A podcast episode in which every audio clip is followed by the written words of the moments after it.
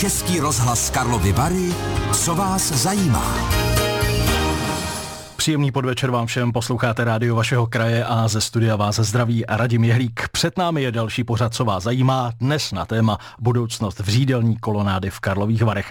Lázeňská metropole totiž zažije své druhé referendum v historii, ovšem na stejné téma. Už jednou obyvatele města rozhodovali o tom, zdali chtějí vybudovat repliku pseudorenesanční kolonády z roku 1879, anebo zachovat stávající podobu v duchu tehdy oblíbeného brutalismu. Referendum se bude konat souběžně s prvním kolem prezidentských prezidentských voleb, tedy příští pátek a sobotu 13. a 14. ledna.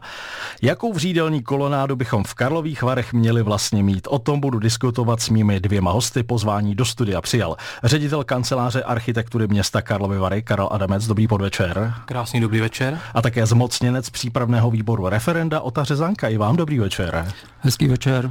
Pánové, na úvod vás poprosím o odpověď na vlastně relativně jednoduchou otázku, která ale určitě nemá jednoduchou odpověď, jinak bychom tady vlastně dnes ani nebyli. Váš názor na to, jak by měla vypadat vřídelní kolonáda v Karlových Varech. Jak byste chtěli, aby vypadalo okolí asi nejznámějšího pramene v Česku? Začneme u pana Adamce. Děkuji.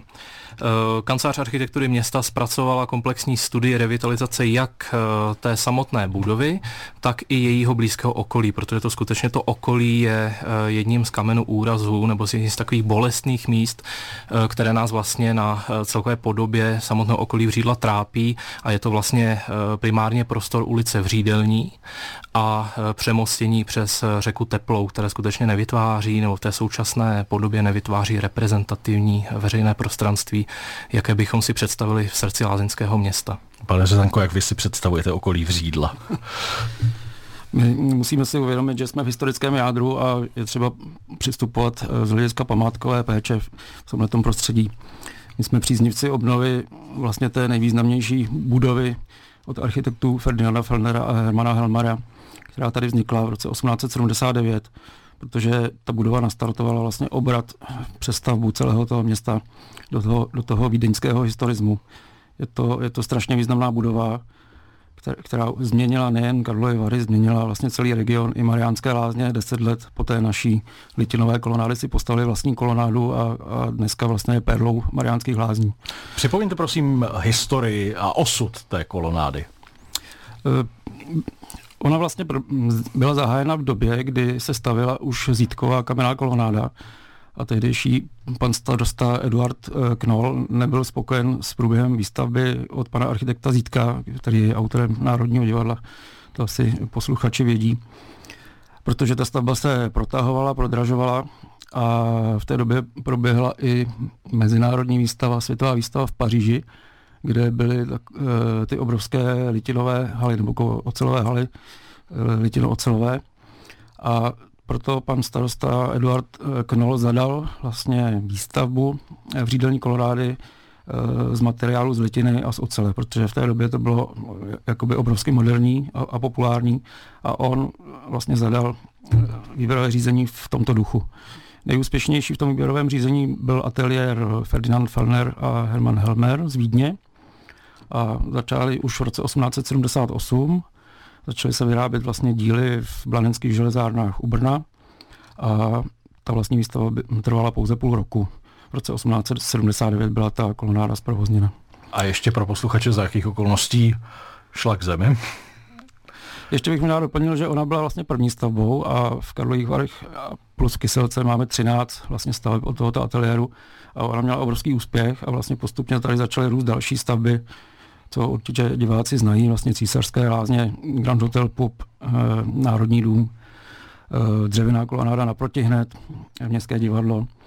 A k zemi šla v roce 1939 vlastně, kdy už Karlovy Vary byly součástí vlastně třetí říše, protože to bylo po Mnichovské dohodě a tady dokonce už starosta byl členem SDP, vlastně tý Studenten Deutsche Partei, takže my jsme dohledávali vlastně okolnosti, za které byla rozebrána a opravdu to obyvatelstvo tady bylo sfanatizované a rozbíjely si výlohy, byly demonstrace. Vlastně české obyvatelstvo už zmizelo a v téhle pohnuté době eh, vlastně ty sudečtí Němci rozebrali tu klonádu a darovali jí třetí říši do, zbrojov, do zbrojovek. A pane, pane Adamče, teď poprosím vás, kdy, za jakých okolností vznikla ta současná podoba tehdy Gagarinovi dnes vřídelní kolonády? Já bych si dovolil na úvod ještě to, co říkal pan kolega, vypíchnout, že skutečně ta eh, litina ve své době, nebo vůbec ten materiál, jeho použití bylo velice moderní záležitostí a pan starosta Knol věděl moc dobře, proč se na nejenom tenhle ten eh, konstrukční systém, ale na ty architekty, kteří umějí používat eh, obrací, protože chtěl skutečně vytvořit stav, nebo moderní nabídku pro soudobou společnost, kterou by dokázal uspokojit opravdu ty potřeby, které má společnost celého světa. A my bychom se v tuhle tu chvíli, nebo respektive naši předci, kteří stavěli tu, eh, tu stávající řídelní kolonádu, tu, jak říkáte, Gagarinovu kolonádu, se chovali v podstatě úplně stejným principem, protože taky reagovali na potřeby soudobé společnosti a pokud by ta eh, stavba z nějakého důvodu měla k zemi, tak bychom se určitě nechtěli chovat jinak, jiným, jiným stylem. Eh, za jakých okolností ta stavba vznikla? Vlastně po demolici té litinové kolonády byla postavena provizorní dřevěná varianta a e, ta, nebo během jejího fungování byla uspořádána architektonická soutěž a v roce 1960 e, tu co soutěž vyhrál, nebo tuším 61, teď se nejsem jistý, vyhrál architekt Otruba se svým návrhem a e, potom následovala dlouhá doba, po kterou bylo, byl ten návrh, ta studie byla přetavována v projekt a následně v realizaci, která proběhla až v roce 1975. Je nutné určitě zmínit, že mezi tou studií, tou původní autorskou myšlenkou architekta Otruby a výslednou realizací nejenom, že utekla e, velká doba, ale také ten projekt prošel výraznými změnami. A e, to si myslím, že je určitě jedním z důležitých důvodů, proč i ta stavba dneska není tak pozitivně vnímaná. Těch důvodů je určitě víc. Je to i ta doba, ve které ta stavba vznikala a e, její e, neúplně dobré přijetí, ale může to být samozřejmě i tenhle ten fakt. Takže e, 呃 od studie z roku 1960 po samotnou realizaci v roce 1975, nejenom, že teda se proděly ty změny, také si ten projekt převzal eh, ateliér Beta pod vedením architekta Šrámka. A co je také nutné zmínit v, tom, eh, v té samotné stavbě eh, je řada uměleckých děl od soudobých výtvarníků, nebo respektive tehdejších výtvarníků té doby, jako je například Jan Fischer a jeho skleněná koruna na střeše výtryskové síně, nebo také skleněné plastiky od slavného dua sochařů eh, Libensky Brichtová, eh, které vidíme právě třeba na těch pitných vázách anebo na stélách vložených v dřevěných obkladech. Posloucháte pořád, co vás zajímá dnes na téma budoucnost v řídelní kolonády v Karlových Varech. Pořád, co vás zajímá, tématem je budoucnost v řídelní kolonády v Karlových Varech. Ve městě bylo na termín prvního kola prezidentských voleb vyhlášeno rovněž referendum, které se zeptá, jste pro obnovu historické budovy litinové v řídelní kolonády architektů Felnera a Helmera na místě současné kolonády z roku 1975. Našimi hosty proto jsou ředitel kanceláře architektury města Karlovy Vary Karel Adamec a zmocněnec přípravného výboru referenda Ota Řezanka. U vás začnu, pane Řezanko, proč vy vlastně prosazujete původní podobu té kolonády? Jaké důvody vás k tomu vedou? Hlavní, hlavním důvodem je asi to, že ta současná kolonáda je obrovsky problematická. Já nebudu hodnotit její, její vzhled, ale když se na to podíváme z konstrukčního hlediska, tak bohužel musíme říct, že v té době, kdy, kdy vznikla, tak eh, bylo uděláno mnoho chyb. To vřídlo totiž leží vlastně na styku tří geologických zlomů a v té oblasti je geologické podloží, které je, je rozlámáno a v takové oblasti nemůžete zakládat budovu plošně, protože vlastně ta, ta deska betonová, na které ta budova stojí, se za určitou dobu rozpraská. Ty, ty trhliny, které jsou v tom podloží, se prostě propíšou do, do té betonové desky a do té konstrukce začne pronikat ta, ta agresivní vřídelní voda. E, ona obsahuje i hodně CO2, což, což taky, taky vlastně poškozuje ty konstrukce. Takže už na začátku byla, byla vlastně zvolena naprosto chybná konstrukce pro celou tu budovu a ona nás tady prostě bude trápit tak dlouho, dokud se jí nezbavíme. A pane Adamče, váš názor, proč by naopak vřídelní kolonáda, ta současná podoba, měla zůstat? Zůstat v současném stavu? Eh, já si dovolím jenom krátce reagovat eh, na ten konstrukční stav. Eh, kdyby byla v tak špatné konstrukční kondici, tak se skutečně bavíme o tom, jakým způsobem tu budovu nahradit, ale ona tak není. Já jsem tohle konzultoval i s panem inženýrem Hamplem, s autorem stavebně technického průzkumu, který mi potvrdil, že ta základová konstrukce je z jeho pohledu v pořádku. A ten havarijní stav stav, který byl již odstraněn, se týkal vlastně jenom toho stropu nad, nebo respektive pod výtryskem vřídla v té výtryskové síni a to už bylo opraveno. A ten důvod, proč eh, my jsme názoru, že by se ta stávající budova měla zachovat, je vedle těch kvalit, které jsme přesvědčeni, že ta budova v sobě má, je i ten prostý fakt, eh, že nemá tak, eh, není v tak špatné stavební kondici, aby nutně vyžadovala nějakou masivní investici. My se bavíme skutečně jenom o její opravě. A je to vlastně ten ekonomický důvod, proč jsme, nebo ten jeden z hlavních důvodů, proč jsme právě pro zachování té stávající budovy. My se samozřejmě k financím a ekonomice asi asi logicky v průběhu pořadu i dostaneme, ale mě teď zajímá, referendum se už jednou na tohle téma v Karlových Varech konalo. S jakým výsledkem, jenom připomeňte prosím, pane Řezanko. U, u referenda jsou dvě podmínky. 25% voličů musí hlasovat ano, aby bylo uh, úspěšné, ale zároveň se ještě 35% voličů musí zúčastnit toho referenda. My jsme splnili tu první podmínku, že těch 25% voličů hlasovalo ano, ale chybělo 270, 290, myslím, voličů, aby bylo platné. Zúčastnilo se nějakých 13,5 tisíce voličů a prostě těch, těch 290 lidí chybělo, aby, aby byla splněna ta kvota 35%. A byl to ten důvod, pardon, eh, proč jste se rozhodli jako přípravný výbor to referendum zopakovat? Eh, ano, samozřejmě, že ta velká podpora je taky jedním z, jedním z těch důvodů. A další, další důvod je ta organizace toho referenda, která tenkrát proběhala pan primátor měl tenkrát dvě možnosti, buď se to mohlo konat ve stejné místnosti, anebo se to mohlo konat v jiných místnostech. A on zvolil vlastně tu dražší variantu, že to referendum probíhalo v jiných místnostech než ty hlavní volby, dokonce někde i v jiných budovách. Což zákon povoluje, ale... Tenkrát to povoloval. Dneska, dneska už ne. Vlastně poslanci, poslanci ten zákon změnili, protože je logické, když pořádáte za velké peníze referendum, aby ty lidi, lidi k němu cestu našli. Takže poslanci naštěstí to, ten zákon změnili a proto to referendum taky pořádáme znova. Doufáte v odlišný výsledek? Tam se možná hloupě. Doufám, že, že to lidi pochopí. Máme, máme tady druhou šanci a, a věřím, věřím, že dostatek lidí rozumí té problematice a že se rozhodnou správně. No ale stejně, co když bude referendum neplatné? Jaký bude další postup vašeho přípravného výboru? No, přípravného výboru nevím, já za sebe budu prostě dál vysvětlovat ty důvody, které říkám. E, prostě opravdu město se bude dál trápit s touhletou současnou klonádou. Já, já s panem Adamcem se neschodnu v tom stavu posouzení té konstrukce, protože když máte celé, celý ten suterén mokrý, tak je jasné, že, že prostě ta izolace je poškozená, takže tam ta voda proniká a, a ty základy prostě jsou obrovský problém pro tu stavbu a budeme se s tím prostě uh, prát další, další roky. No. A když to otočím, když bude referendum platné s výsledkem samozřejmě pro repliku, jaký bude postup kanceláře architektury města potažmo magistrátu a města Karlovy Vary? Nám samozřejmě nezbývá, než výsledek referenda eh, respektovat. Je to uh, samozřejmě plnohodnotný demokratický nástroj, jakým veřejnost může rozhodovat. A troufnu si jenom odhadnout, eh, jakým způsob, nebo jaký by mohl být postup, Eh, nebo respektive myslím si, že potom by hrozilo spíš to, že by se zastavily investice do té stávající kolonády, což je na jednu stranu něco, co si zastánci referenda přejí, ale že město nebude mít dostatečnou ekonomickou sílu na to, aby tu kolonádu zdemolovalo a vystavilo na novou. To znamená, že spíš se dočkáme, nebo čekám takovou hrozbu, že spíš se dočkáme toho, že uh, tu stávající kolonádu v tom vizuálu, v jakém ji nemáme většinou rádi, si jenom udržíme dál. I o ekonomické stránce se samozřejmě budeme bavit, jak jsem slíbil. Společnost vám dělá rádio vašeho kraje a čtvrteční pořad, co vás zajímá. Posloucháte pořad, co vás zajímá. Tématem je budoucnost v řídelní kolonády v Karlových Varech. V lázeňské metropoli půjdou lidé kromě prvního kola prezidentských voleb také k referendum, které řeší možnou obnovu historické budovy Litinové v řídelní kolonády původně z roku 1879.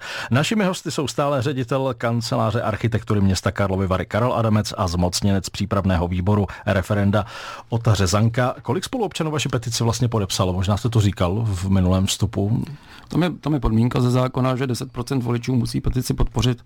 Momentálně mají Karlovy Vary 36 tisíc uh, voličů oprávněných, máme 45 tisíc obyvatel a z toho 36 tisíc je voličů, takže 3600 voličů podepsalo petici. Jakou cestou jste scháněli podpisy? Využili jsme jednak komunálních voleb, že, že vlastně tenkrát eh, jsme sbírali jakoby na trasách do, do volebních místností a jinak byla podpisová místa po celém městě a nejlepší byla samozřejmě kontaktní kampaň přímo jako s lidmi, potkávat se s lidmi a, a žádat o, o, podpis.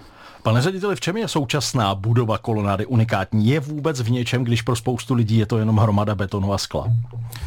Jak už jsem zmínil, eh, já naprosto chápu, že doba, ve které ta kolonáda vznikla a i třeba ten styl není pro každého to pravé, ale to platí v podstatě pro každý styl.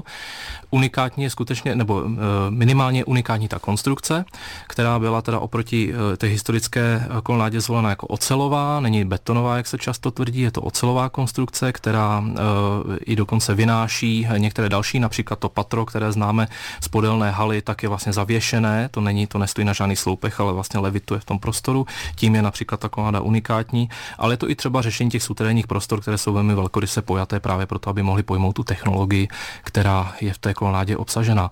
Ale e, zároveň ta kolonáda nabízí nevyužitý potenciál, který jsme si zvykli už e, přehlížet, on nám vlastně nikdy nebyl pořádně ani nabídnut, a to je například střešní terasa, která nikdy nebyla pořádně využitá, ale která přitom je obrovskou hodnotou té stavby. Tak kdyby se zpřístupnila a zobytnila a udělal se z ní skutečně krásný e, pobytový veřejný prostor, prostor, tak to je kvalita, kterou má málo která stavba. A víme a známe ten důvod, proč k tomu nikdy nedošlo? Já si myslím, že ta kolonáda, nebo respektive ta střešní terasa, eh, ten provozovatel nikdy neuměl pořádně dobře využít. To byl, to byl ten hlavní důvod. Mm. A proč nebourat historické stavby obecně? Nějaký váš názor? Tak Ať už jsou z jakékoliv doby. Primárně v tom eh, hrají roli ty ekonomické důvody. Vždycky je potřeba dát na tu misku vach všechny aspekty. To, co říká třeba i pan kolega, kdyby tady byl tak tragický stavebně technický stav, který by si vyžadoval zbourání té budovy, tak samozřejmě se bavíme úplně jinak. Ale vlastně ten hlavní důvod, proč jsme se rozhodli uh, jít cestou nebourání, protože původní záměr byl uh, udělat architektonickou soutěž na novou stavbu, byl právě to, že jsme zjistili po tom prostudování stavebně technického stavu, že ta, ten objekt je v pořádku. A když si vezmeme, že 40 let neprošel pořádně e, nějakou větší investicí a každá stavba má nějakou omezenou životnost, po kterou nebo po jejíž uplynutí je nutné do ní nainvestovat prostředky na nějakou generální opravu, tak je ten objekt opravdu ve velmi dobré kondici. A tohle to platí obecně. Nebourat eh, staré historické stavby už jenom proto, že si ochraňujeme to kulturní dědictví a i tahle ta kolonáda je součástí kultury a historie města tak eh, i z těch důvodů ekonomických, protože často zbourat eh, starý objekt a vystavět nový je daleko nákladnější. A teď opačně, pane Řezanko, proč tuto stavbu zbourat? Není ona součástí historie města? Je to správný ideální postup? Eh, ty problémy tak, té kolonády jsou, jsou tři. Jsou to ty konstrukční, jak, jak už jsem tady uváděl. Tam opravdu se s panem Adamcem rozcházíme, protože když se po té kolonádě projdete, tak tam vidíte trhliny v podlaze jak u těch pítek, tak vlastně na té části, co stojí na tom přemostění. To přemostění je oficiálně v havarijním stavu. Ta střecha nebyla, ta byla od, zavřená hned první rok po otevření, jelikož tam jsou chybně provedeny izolace. Já, já jsem mluvil s pamětníky, kteří si pamatují, kdy ta koloráda byla stavěna. Ono tenkrát ten rok 75 eh, byla hrozně tuhá zima a oni finišovali vlastně, aby to stihli otevřít u příležitosti 30. výročí osvobození Lulu armádou v květnu a prostě pokládali tam izolaci rovnou na beton, nebyli schopni to ani natavit. Mě to, mě to, mě to říkal pamětník, který to tam dělal. Taková je prostě klasickým pomníkem socialismu, kdy je sfušovaná, je, je špatně navržená na tomhle místě.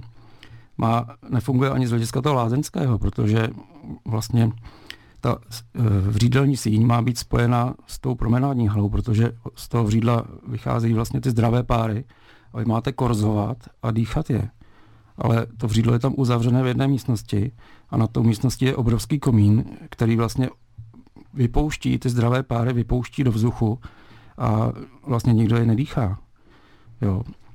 E, ty dvě, ty dvě promenádní haly, tak tam jsou lavičky po obvodu a vlastně jsou i vyhřívané, takže vás to nutí k tomu, abyste si načerpali ten pohárek a sedli si na lavičku. Ale u toho pití se má korzovat té kolonádě architektů Fellnera a Helmera byly proto lavičky a ty lidé, ty lidé byli naváděni, aby korzovali okolo těch laviček vlastně v té promenádní hale, která byla spojená s tou vřídelní halou. Tam si vždycky načerpali vodu a korzovali. Společnost vám dělá rádio vašeho kraje a čtvrteční pořad, co vás zajímá. Český rozhlas Karlovy Vary, co vás zajímá. Je to tak, stále posloucháte pořad, co vás zajímá. Tématem je budoucnost v řídelní kolonády v Karlových Varech. V Lázeňské metropoli půjdou lidé kromě prvního kola prezidentských voleb také k referendum, které řeší možnou obnovu historické budovy Litinové řídelní kolonády, takže připomínám, že našimi hostistou stále zmocněnec přípravného výboru referenda Ota Řezanka a ředitel kanceláře architektury města Karlovy Vary Karel Adamec. Teď probereme finance je to v současné situaci, kdy řešíme nejen energetickou krizi, takzvaně na stole, pane Zezanko? Právě, že v případě úspěšného referenda by došlo k odložení to, toho financování. Musíte si uvědomit, že se bude jednat v podstatě o novostavbu, a to znamená, že ta kolonáda se musí vyprojektovat, musí se zajistit stavební povolení. Ehm, my odhadujeme, že ta kolonáda by se mohla stavit, stavět nejdříve za tři nebo čtyři roky což je samozřejmě čas na to získat dotace taky na, na, tu, na tu stavbu. Takže pokud by referendum bylo úspěšné, tak naopak dojde vlastně o, k odkladu toho financování a, a k zastavení investic do té kolonády. Tak já právě nerozumím tomu, proč paní primátorka hovoří o penězích, když vlastně my jsme jakoby aktuálně tomu město ušetřili a vlastně máme čas, čtyři roky, možná víc. Samozřejmě ta otázka není omezená časově, prostě až budou peníze, tak budou tak, takže tam dojde jakoby k úspoře v podstatě. A nevnímáte to ale tak, že jste si vlastně vybrali úplně nejhorší možný termín pro, pro něco takového, nebo veřejnost to minimálně tak může vnímat v současné chvíli?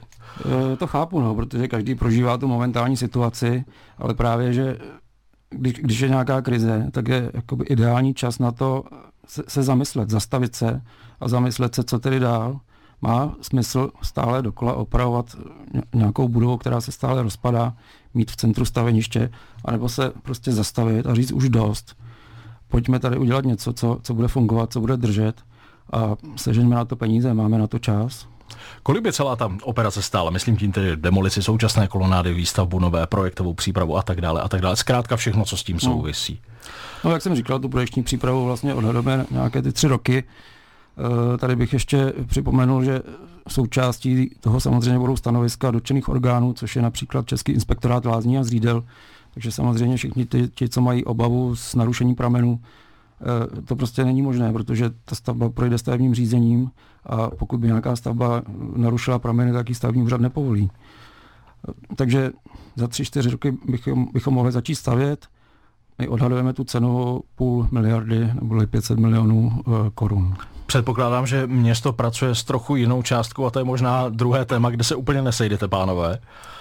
Eh, asi nesejdeme. Eh, zase op- zopakuji, pokud bychom se bavili o nějakých velkých konstrukčních zásazích, například výměně nosných konstrukcí, tak jak tomu proběhlo v té vřídelní síni, tak je na místě uvažovat o tom, jestli není už lepší demolice a postavit eh, novou budovu. Ale my se bavíme o opravě té stávající budovy, o jejich opravě těch povrchů, de facto takém faceliftu. A když jsme si na to dělali uh, předběžný propočet, uh, ještě v době zpracování té studie, tak jsme se dostali v té stavební části, nemluvím o té technologii, na částku zhruba 110 milionů, včetně DPH. Bylo to asi tři roky nebo dva roky zpátky. Dneska by se to samozřejmě muselo přepočítat s nárůstem energie, ale to platí i pro, uh, pro tu další verzi. Ne, předpokládám, že pan kolega mluvil o částce, která taky byla odhadovaná dřív. Nechci se mýlit. Uh, nutno taky zmínit, že do té stavby už byla nainvestovaná značná částka nejenom na tu stavební uh, opravu, ale i na tu samotnou technologii a jedná se o tuším zhruba 70 milionů korun a i kdybychom se bavili o nějakém několika letém, jako v jednotkách let odkladů nové stavby, tak pořád by to byla investice, která by tímto byla zmařená. Není přece jenom oprava vždycky levnější než výstavba něčeho nového, byť samozřejmě vím, že to neplatí stoprocentně, ale tohle asi nebude zrovna ten případ, pane Řezanko. Není, nemohl by tohle být ten argument? Pokud porovnáte velikost těch kolonád, tak ta e, současná kolonáda je 2,5 krát, 2,5 krát větší než ta letinová kolonáda. My se s kolegou Adamcem neschodujeme na, na technickém stavu, té konstrukce a, a zatím nejsou prostě průzkumy, aby, abychom mohli tohleto odhadnout. Ale stačí se podívat na to, co se zatím odehrálo. Ta vřídelní síň tvoří desetinu celé té budovy a její oprava stála 70 milionů. Takže tímhle tím přepočtem se dostáváme na nějakou částku 700 milionů u, u opravy celé té budovy. Já si Pan... dovolím, ale jestli můžu, Samozřejmě. já si dovolím na to reagovat. Eh, nemůžeme to přepočítávat na kubíky. Jo. Když se pohybujeme už takhle konkrétních zásazích, tak skutečně ano, ta vřídelní síň spolikala takovouhle částku, ale bylo to proto, že se tam rekonstruoval ten strop, musela se vyříznout konstrukce, nahradit kompletně novou, ale taky to zahrne tu technologii a to je zhruba polovina té částky. My se bavíme o té stavební části technologie, pokud vím, byla něco přes 20 milionů a 50 milionů byla ta stavební část. Asi a, tak, je to možné. Ale, ale vlastně vzpomeňme si, že před zahájením téhle opravy té vřídelní se taky hovořilo o 20 milionech a najednou jsme na 70. Říkají hosté dnešního pořadu, co vás zajímá. Tady je stále pořad, co vás zajímá. Tématem je budoucnost vřídelní kolonády v Karlových Varech ve městě. Bylo totiž na termín prvního kola prezidentských voleb vyhlášeno rovněž referendum. Našimi hosty jsou proto stále ředitel kanceláře architektury města Karlovy Vary Karel Adamec a zmocněnec přípravného výboru referenda Ota Řezanka. E, nabízí se jednoduchá, zcela logická otázka, kde na to vzít. Něco málo už jste zmínil, pane Řezanko, lze ale spoléhat jen na dotační tituly. Jak jsem uvedl, k té vlastní investici dojde v podstatě až v příštím volebním období, kdy, kdy už bude pravděpodobně na radnici jiné vedení. Takže máme čas na získání dotací. E, jako, jako příklad dávám například císařské lázně. Ty, ty císařské lázně taky jsou oproti této budově vlastně čtyřikrát větší e, a peníze se na, na to e, sešly, že vlastně na to přispěl stát, kraj a, a město. To město dokonce dalo nejmenší částku. A existují dostatečné nebo vůbec nějaké dotační tituly na možné výstavby budov tohoto typu, na repliky a podobně? Podívejte se, město se musí samozřejmě snažit, dá se to zařadit do programu, do těch dotačních programů, které jsou připraveny, ale zatím s tím vůbec město nepočítalo, takže to v těch programech není. To je prostě otázkou dalších let.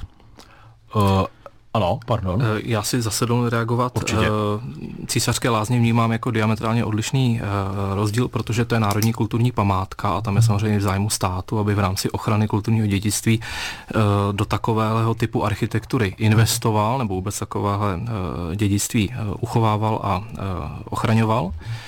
A co se týče dotací, my si musíme uvědomit, co to vlastně dotace jsou. Že? To je nějaký investiční nástroj na vykonávání politiky. Pokud se Evropa potýká s energetickou krizí, s přehřívání s potřebou eh, třeba ozeleňovat veřejná prostranství a podobně, tak umíme predikovat, na co asi budou budoucnu dotace. Takže můžeme se bavit o revitalizaci veřejných prostranství, o energetických úsporách budov, na které velmi pravděpodobně budeme mít dotace. Eh, stejně tak jako na ochranu nebo opravy památek, ale jsem skeptický, že výstavba repliky je ochranou nebo opravou eh, nějaké kulturní památky. Hmm. Nebylo by možná dobré teď nechat, eh, když to řeknu příliš tvrdě, dožít tu současnou stavbu, kterou uznávám teď současnými opravami, vydrží déle a řešit to pak, byť chápu, že celé by se to asi posunulo o, o leta, která pro vás nejsou přípustná. No my v podstatě říkáme to samé, nechme ji dožít ty tři, čtyři roky a připravme výstavbu té repliky původní historické budovy. A není tou opravou vřídelní kolonáda teď navržena na nějak mnohem více let než 3-4 roky, pane Adamče. To si myslím taky už s ohledem i na tu investici, která do toho byla vložena. Pokud bychom se bavili o 70 milionech na 3-4 roky, tak jsme velmi uh, špatní hospodáři. No, jak říkám, opraveno bylo 10% celé budovy a zbytek té budovy je v pořád původní. A přemostění je zavřeno, to, to, to přemostění je v havarním stavu. Velká část té kolonády stojí na tom přemostění ty trhliny jsou i v té promenádní hle u těch, u těch pítek, takže ta, ta klonáda je ve velmi špatném technickém stavu a buď bude vyžadovat rekonstrukci, anebo prostě ji můžeme nahradit budovou, která tam bude fungovat, držet a ty opravy nebude vyžadovat. Po, o, omlouvám se, zase budu reagovat. Pokud by byla v tak špatném technickém stavu, vyloženě v havarijním stavu, včetně té samotné budovy, tak do ní nesmí lidi. No na to přemostění lidi nesmí, to je zavřené. No ale vy říkáte, že na tom stojí ta budova, do té lidi normálně chodí. Eh, na střechu nesmí lidi třeba. No, střecha není, není určená, protože tam je jenom povlaková hydroizolace, ale to není nic fatálního, ale není v tak špatném technickém stavu konstrukce, aby ta budova s těmi no. lidmi spadla. Průzkumy byly naposledy dělány před pěti lety a od té doby zase se tam provádělo, byla tam těžká stavební technika a ty trhliny, co jsou například okolo té sochy hygie, jsou, jsou výrazně větší od té doby. Evidentně se pánové v tomto neschodnete, ale to je naprosto v pořádku. Konec konců proto jste tady oba dnes v pořadu, co vás zajímá, kde jsou zastoupeny obě strany. Eh, s financováním repliky by podle vás tedy mohly pomoci dotace, není ale lepší a nebude to ten argument druhé strany a mm, bude to možná složité obyvatelům Karlových varů vysvětlovat. Zaměřit se spíš na projekty, které město trápí víc? Napadá mě parkovací domy, o kterých se mluví dlouhá léta, oprava Chebského mostu, která je, bude teď na programu a tak dále a tak dále. Tak samozřejmě to, že nefunguje jakoby základní, základní péče o město je velký problém a ta ekonomická situace města je, je tragická, a, ale to je, to je trošku jiné téma. To, to, to je třeba dát do pořádku jakoby ten, ten vlastní magistrát, aby, aby dělal tu svoji základní funkci. V řídelní kolonáde je prostě budova číslo jedna ve městě a je na ní závislé celé to město. Turistický ruch, lázeňská péče. Jak tady vysvětluju, ta, ta kolonáda Litinová fungovala i jako zdravotnické zařízení, že tam opravdu fungovala i, i pro léčení dých, třeba chorob dýchacích cest, protože prostě uvnitř se korzovalo a dýchala se ta léčivá atmosféra. Řídlo je prostě číslo jedna a, a my musíme tohle, tohleto chápat říkají hosté dnešního pořadu, co vás zajímá. Ještě chvíli to bude pořad, co vás zajímá. Dnes se věnujeme v řídelní kolonádě v Karlových Varech, probíráme její současný stav i možnou budoucnost. Lidé se totiž budou moct už příští víkend vyjádřit v referendu na otázku, jestli jsou pro obnovu historické budovy Litinové v řídelní kolonády architektů a Helmera. Eh, pane Zetanko, co říkáte na argument, že to stejně bude jenom kopie a replika, takže žádnou historickou hodnotu ta budova mít nebude, protože to stále bude vlastně novostavba jenom v historickém hávu?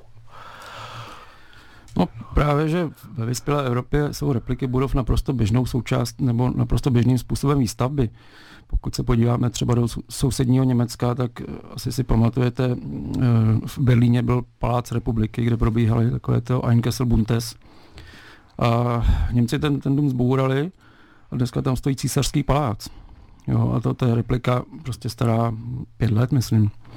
V postupem se obnovil zámek. Drážďany zdobí dneska Frauenkirche těch, těch významných budov, prostě kterých se, který se obnovují tímto způsobem, je strašně moc po celé Evropě. A právě, že ta vřídelní kolána byla v podstatě tou nejvýznamnější budovou, která tady kdy vznikla. Jak už jsem říkal, ona, ona vlastně změnila celé to město a změnila celý region a přenesla obrovské eh, období prosperity, ten zlatý věk. Takže je to strašně významná budova a v tomto případě ta replika je oprávněná. Pane Adamče. Já si myslím, že ten zlatý věk eh, a vůbec ta stavba eh, té eh, tehdejší litinové kolnády respektive, jak jsem už zmínil, ta kolonáda byla tehdy supermoderní záležitostí a, a to bylo to, co jsem natáhlo tu společnost. Eh, já s tím souhlasím, že samozřejmě replika je jedním z, z možných, eh, z možných, jednou z možných cest, jakým způsobem nahradit zmizelou stavbu. To je příklad například toho Frauenkirche v Drážďanech, kde ten kostel po náletech z druhé světové války byl zdemolován a posléze byl teda postaven, byť ne úplně jako replika, ale to, to je také slovíčkaření. Já bych naopak zmínil, že stejně jako jako stavění replik je naprosto běžné opravovat eh, stávající budovy a jsme rádi, že i ty budovy z mm, toho modernistického období se také dostají do popředí zájmu a jedním z příkladů, které bych mohl uvést, je například eh, skvělá revitalizace Národní nebo Slovenské národní galerie v Bratislavě. To je velmi, velmi čerstvá událost. Chystá se taky investice do revitalizace Eh, projektového ústavu od Karla Prágra, kde sídlí Centrum architektury a městského plánování v Praze a stejně tak Institut plánování a rozvoje. A nebo eh, pokud bychom se chtěli bavit třeba o kvalitách eh, modernistické architektury nebo třeba té brutalistní, tak si myslím, že určitě stojí za návštěvu Centrum Barbican v Londýně, které dneska tvoří opravdu jednu z perel architektury Londýna.